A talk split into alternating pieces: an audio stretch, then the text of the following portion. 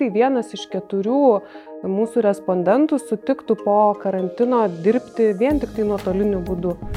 Sveiki, mėly žiūrovai, sveiki įsijungę dar vieną profkestą. Su jumis sveikinuosi aš, bitės profė Elena ir čia, kaip įprasta, kalbėsime apie technologijų pasaulio naujienas bei dalinsimės patarimais. O šiandieną kalbėsime apie išmanesnį ir lengvesnį darbų planavimą. Ir šalia manęs yra bitė Lietuva žmonių ambasados vadovė Eglė Stanilionė. Labas, Eglė. Sveika, Elena. Papasako, kaip tau pačiai sekasi planuoti savo darbus. Ar turi susiplanavus savo rutiną dienos eigoje? Žinai, turbūt visų pirma žodis pats rutina dažnai būna asocijuojamas kažkokiais blogais dalykais. Visiems atrodo, o ne, rutina, darysiu tą patį per tą patį, turėsiu kažką kartot. Bet man rutina asocijuojasi su tam tikra ramybė, kuomet aš galiu aiškiai žinoti ir valdyti įvykius ir aš galiu nuspręsti, kada kas įvyks. Tai tikrai skiriu nemažai laiko pačiam planavimui, nes planuoti darbus pirmadienį, ką tu nuveiksi per savaitę, gali tik tas, kuris pirmadienį atėjęs jau gaus kažkokias suformuotas užduotis ir tikės ir turės įvykti. Gyvename tokiais laikais, kai tempas yra nežmoniškas ir taip jau nutinka, kad dienos pabaigoje pamatome, kad ar netlikome kokios užduoties, ar tų užduočių tik padaugėjo. Tai kokios yra pagrindinės priežastys, dėl kurių žmonėms tampa sunku ne tik sekti tą savo dienos dienotvarkę, bet ir tinkamai ją sudaryti? turbūt pirmas dalykas, kad mes patys net nesusimastome labai dažnai, kokių mesgi planavimo įgūdžių trūkumų turime ir įmame chaotiškai naudoti vairias planavimo priemonės. Gal pabandysiu kalendorijoje susižymėti, ne, neveikia, gal pabandysiu stikinautus, gal pomodoro kokį principą išmėginsiu ir patys savo neatsakome, tai kurgi yra mano silpnybė. Nes e, elementari situacija, terminas, kažkokio įvykio darbo terminas artėja į pabaigą vienam kaip tik energijos lygis šoktels dvigubai arba trigubai ir jis tą paskutinę valandą padarys ženkliai daugiau negu kad dvi dienas darydamas tą patį darbą. Kitasgi, kuo arčiau tas terminas, tuo didesnis streso lygis, tuo sunkiau žmogui susikoncentruoti, kyla noras mesti pradėtą darbą, imtis įdomesnių užduočių Na ir du, du skirtingi žmonės, vienas ir tas pats terminas reakcijos gali būti labai skirtingos. Tai galbūt vieniem kaip tik reikia tokių įrankių, kurie padėtų uh, suskaidyti darbus mažesniais etapais ir tuos terminus turėti dažniau, tam, kad tą adrenalino lygį šiek tiek kilstelėti nuolatos.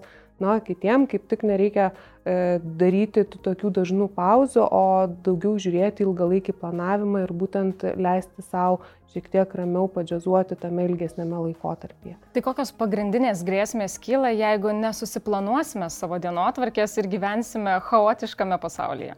Turbūt pranašė nebūsiu šitoje vietoje, e, galime atsidarę bet kokį internetinį E, naršyklę ir įvedę žodį stresas ir, ir jo žala organizmui surasti turbūt na, dešimtimis valandų skaitinių, bet esmių esmė tai stresas, chaosas, jie veikia mūsų tiek fizinę, tiek emocinę sveikatą.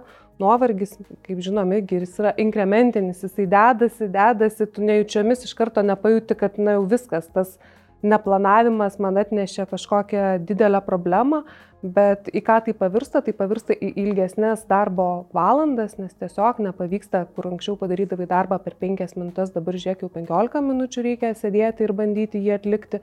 Atsiranda sveikatos problemų. E, vieną labai įdomų straipsnį skaičiau, kad e, medikai atliko tyrimą, kad būtent stresas netgi keičia žmogaus angliavandenių ir baltymų apykaitą organizme. Geras. Tai ką, ką tai reiškia, kad na, tiesiog atimame maistą Taip. iš savo raumenų, iš savo smegenų vien dėl to, kad stresuojame.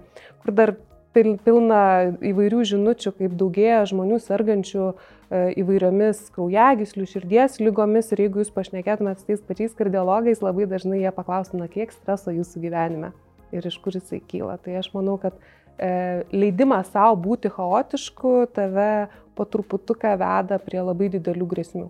Tai kad to streso mūsų gyvenime būtų tikrai mažiau, reikėtų išmokti planuoti savo dienotvarkę ir tai jūs galite, aišku, padaryti lengviau išmaniųjų programėlių dėka. Ir aš siūlau jums įsidėkti uh, programėlę Clockify, kuri leis sekti kiekvieno projekto, kurį jūs turite darbe, uh, pabaigos terminą. Jūs taip pat galėsite nustatyti pertraukų laiką, kad nepamirštumėte ir pailsėti ir galėsite nusibriežti tikslus tiek komandinius, tiek asmeninius. Ir aišku, tokiu būdu jūs galėsite planuoti planuoti savo kiekvienos dienos eigą. Egle, kaip tu pati planuoji savo dienotvarkę? Ar užsirašinėjai viską ranka užrašų knygutėje, ar turi kitų metodų?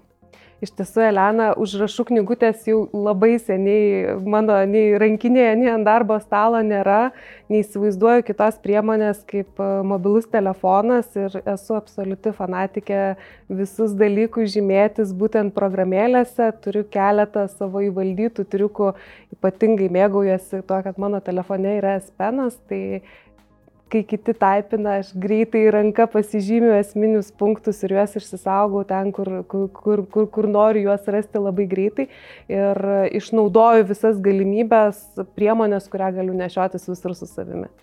Kadangi pandemijos laiku daugeliui teko perkelti savo darbus į namus, bitė taip pat atliko tyrimą ir teiravosi žmonių, kaip jie norėtų dirbti po pandeminėme pasaulyje. Galbūt gali pasidalinti tyrimo rezultatais. Iš tiesų labai prasmingas tas tyrimas buvo ir ką jisai mums atskleidė, kad tik tai vienas iš keturių mūsų respondentų sutiktų po karantino dirbti vien tik tai nuotoliniu būdu. Na, drastiškas, drastiškai mažas skaičius, o netgi 80 procentų mūsų respondentų įvardino, kad na, vis tik tai po karantino jie norėtų išlaikyti tą hybridinį darbo metodą, kuomet dalį laiko mes praleidžiame biure, o dalį laiko praleidžiame būtent uh, dirbdami iš, iš e, namų. Ir turbūt kitas dalykas, ką pats tyrimas mums atskleidė, kad e, karantinas, nuotolinis darbas e, turėjo labai reikšmingos įtakos darbo valandoms. Žmonės labiau jaučiasi, kad na, diena neturi struktūros, kad nežinome, kada prasideda ir baigėsi mūsų darbo laikas arba kolegų darbo laikas ir tas įneša labai didelę dalį papildomo streso įneša ne tik streso, bet kaip yra su produktyvumu, ar darbas namuose yra na, pakankamai produktyvus? Tai kalbant apie darbą namuose ir, ne, ir šiaip apie darbą, turbūt irgi e, gausu įvairių tyrimų ir metodikų, kaip e, yra tyriama, kiek laiko žmogus gali būti produktyvus, tai fiziologiškai maksimaliai produktyviu iš tiesų mes galime išbūti labai labai trumpą laiką paros metu tai yra nuo 2,5 iki 3 valandų, labai gerai planuodami savo darbus ir praktikuodami patys save sekti galime turėti 5 valandas, na, o darbo diena pas mus trunka 8. Tai ką galim daryti? Tai taip išeina, kad iš tų 8 valandų padirbam 2,5 ir viskas. Jeigu tai yra nesuplanuota darbo diena, kuomet tu leidi, kad uh, atskiri skambučiai, laiškai tiesiog išmuštų tave iš ritmo ir leistų tau plaukti pasroviui, tada taip, aš manau, kad tai ir suplauksi tas 2,5 valandos, na arba darbo po darbo tam, kad gautųsi kažkaip tos 8 valandos. Tai kaip ir užsiminėjai, tyrimo metu paaiškėjo, kad dalis žmonių tikrai norėtų ir po visų virusų likti dirbti namuose, o namuose, aišku, yra daug pačių įvairiausių pagundų, tad reikia planuoti savo darbus net ir namuose efektyviai, o tai jūs galite daryti, aišku, išmaniųjų programėlių pagalba. Norėčiau Jums rekomenduoti vieną tokių, tai platforma Slack, kuri yra skirta lengvesniai komunikacijai komandose ir čia jūs galite turėti atskirus e, pokalbių kambarius. Jeigu Jūsų įmonėje, tarkim, yra daug skirtingų departamentų, kiekvienas departamentas gali turėti savo pokalbių kambarį. Ir taip mes išvengsime daugybės elektroninių laiškų, o jų tikrai pašto dėžutėse netrūksta ir taip informacija taip pat nepasimes. Jeigu jūs dirbate su skirtingais projektais ar su skirtingais klientais, čia taip pat galėsite turėti skirtingus pokalbių kambarius, kuriuose ir surasite visą struktūruotą informaciją. Eglė, ar tas nuotolinis darbas namuose sukėlė kokių nors komunikacijos iššūkių? Kalbant apie komunikaciją, tai niekada nebūna labai paprasta tema, nes na, dažniausiai mes darome pirmą komunikacijos klaidą, tai įsivaizduojam, kad ji jau įvyko. O iškeliavę į karantiną mes e, buvome apriboti ir netekome tokių mums įprastų komunikacijos būdų, kaip na, trumpas pokalbis su kolega prie kavos aparato, e, dešimčiai kolegų pasakomas rytinis labas rytas, kuomet tu gali ne tik tai pasisveikinti, bet ir perklausti apie vykstantį tam tikrą projektą.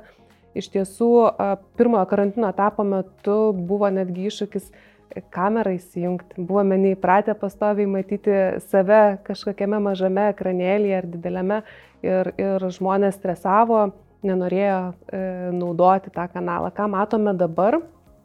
Antro karantino metu susijungusi tam tikrą susitikimą, tas, kuris neįsijungs kameros, labai greitai bus kolegų pirštais užbadytas ir e, net nedrys kalbėti vien tik tai su mikrofonu, būtinai transliuos ir, ir savo vaizdą.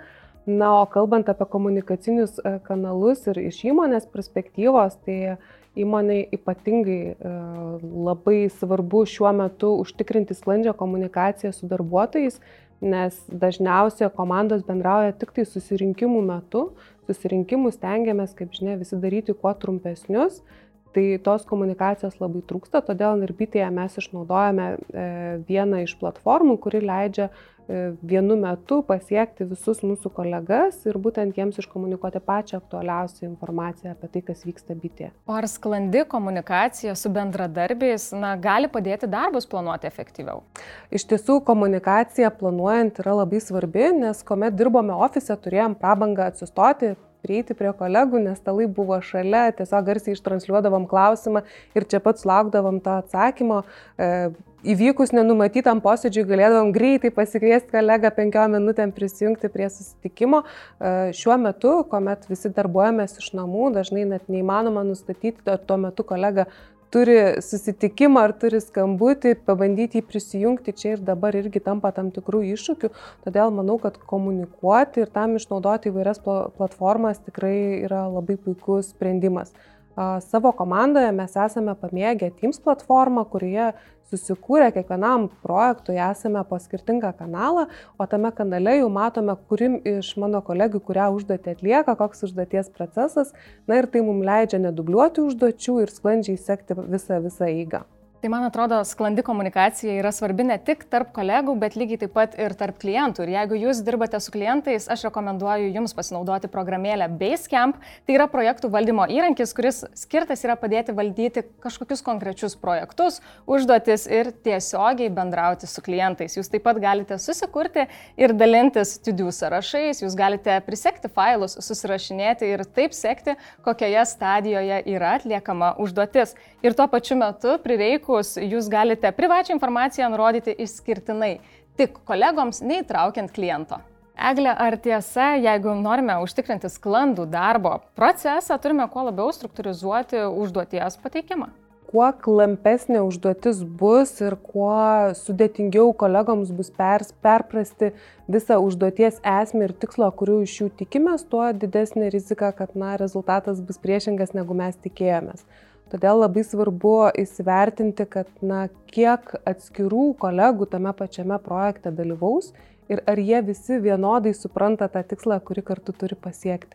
Kuo didesnis struktūros e, elementas bus įdėtas išaiškinant deleguojant tą užduotį, tuo didesnė sėkmės e, tikimybė ją atliekant. Kadangi dažnai darbė būna daug netvarkos, sumaišties, o taip atsiranda problemos, reikia įnešti į savo darbovietę tvarką ir tai galite padaryti su tokia programėlė kaip Trello, kurią naudoja netgi tokios įmonės milžinės kaip eBay. Čia yra naudojama atskira projektų kortelių sistema, kuri padeda informaciją tiesiog pateikti struktūrizuotai, švariai ir tvarkingai. Ir, na, tokia sistema leidžia komandos nariams bendrauti, jiems taip pat palikti komentarus, prisekti failus arba prisekti nuotraukas prie tam tikros konkrečios konkrečios projekto kortelės. Ir aišku, jūs čia galite akivaizdžiai išskaidyti darbus į atskiras skiltis. Tuos, kuriuos reikia atlikti, tuos, kurie jau yra procese ir tie, kurie jau yra atlikti. Reglė, aš tavęs noriu paklausti, kodėl yra svarbu sekti savo užduočių statusą. Užduočių statuso sekimas leidžia mums neturėti didelio streso artėjant tam terminui užduoties atlikimo na tarkim, jeigu penki kolegos organizuoja vakarėlį, sugalvokim, kad na, mūsų projektas yra vakarėlis ir vienas kolega atsakingas už vaišės, kitas už pramogas, trečias už svečių sąrašą, na ir jie tarpusavį nesusišneka, nepasižiūri, kokioje stadijoje yra jų atliekami darbai, tai kas gali gautis, galim gauti vakarėlį, kurio metu turėsim labai daug maisto ir tik du svečius. Arba turėti pramogą, kuris skirta tik dviem svečiams, o svečių turėti prikvietę ne 20. Tai labai dėl to, manau, e, svarbu ir yra pačioj užduoties vykdymo eigoje tarpusavį susiderinti ir sekti, nes yra nemažai e, situacijų, kuomet tam tikrus darbus galime atlikti tik tai įveikę vieną ar, ar, ar sekančią netgi projekto fazę. Labai svarbu yra žinoti ne tik, kokias užduotis mes turime padaryti, bet taip pat ir kokiame procese jos yra. Todėl sekti procesus jūs galite su tokia programėlė kaip Google Keep. Jūs taip pat galėsite pasižymėti čia ir kasdieninės užduotis, nusistatyti laiką, bet taip pat ir vietą. Pavyzdžiui, jūs pasirinksite, na, tokią užduotį - atsispausdinti atvykus į ofisą tam tikrus dokumentus. Vos tik jūs atvažiuosite, telefonas naudos jūsų GPS lokaciją ir jums į telefoną atkeliaus priminimas, kad čia ir dabar jūs turite atsispausdinti savo dokumentus. Egle, o kaip jūs planuojate darbus būtent savo komandoje?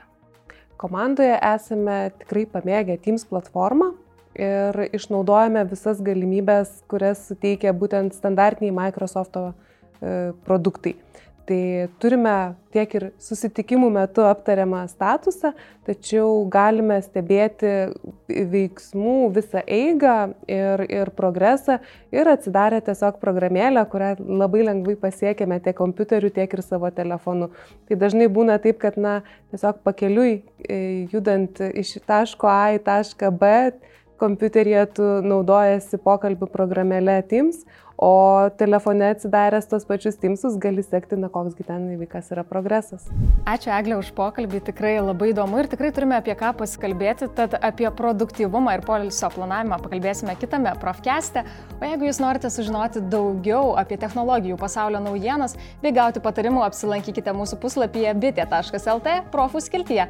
Taip pat nepamirškite prenumeruoti ir mūsų YouTube kanalo Bitė Lietuva. Na ir aišku, galite apsilankyti pas kitus bitės profus, kuriuos rasite didžiausiose Lietuvos miestuose esančiuose bitės salonuose. Aš bitės profė Elena su jumis jau atsisveikinu iki kito karto.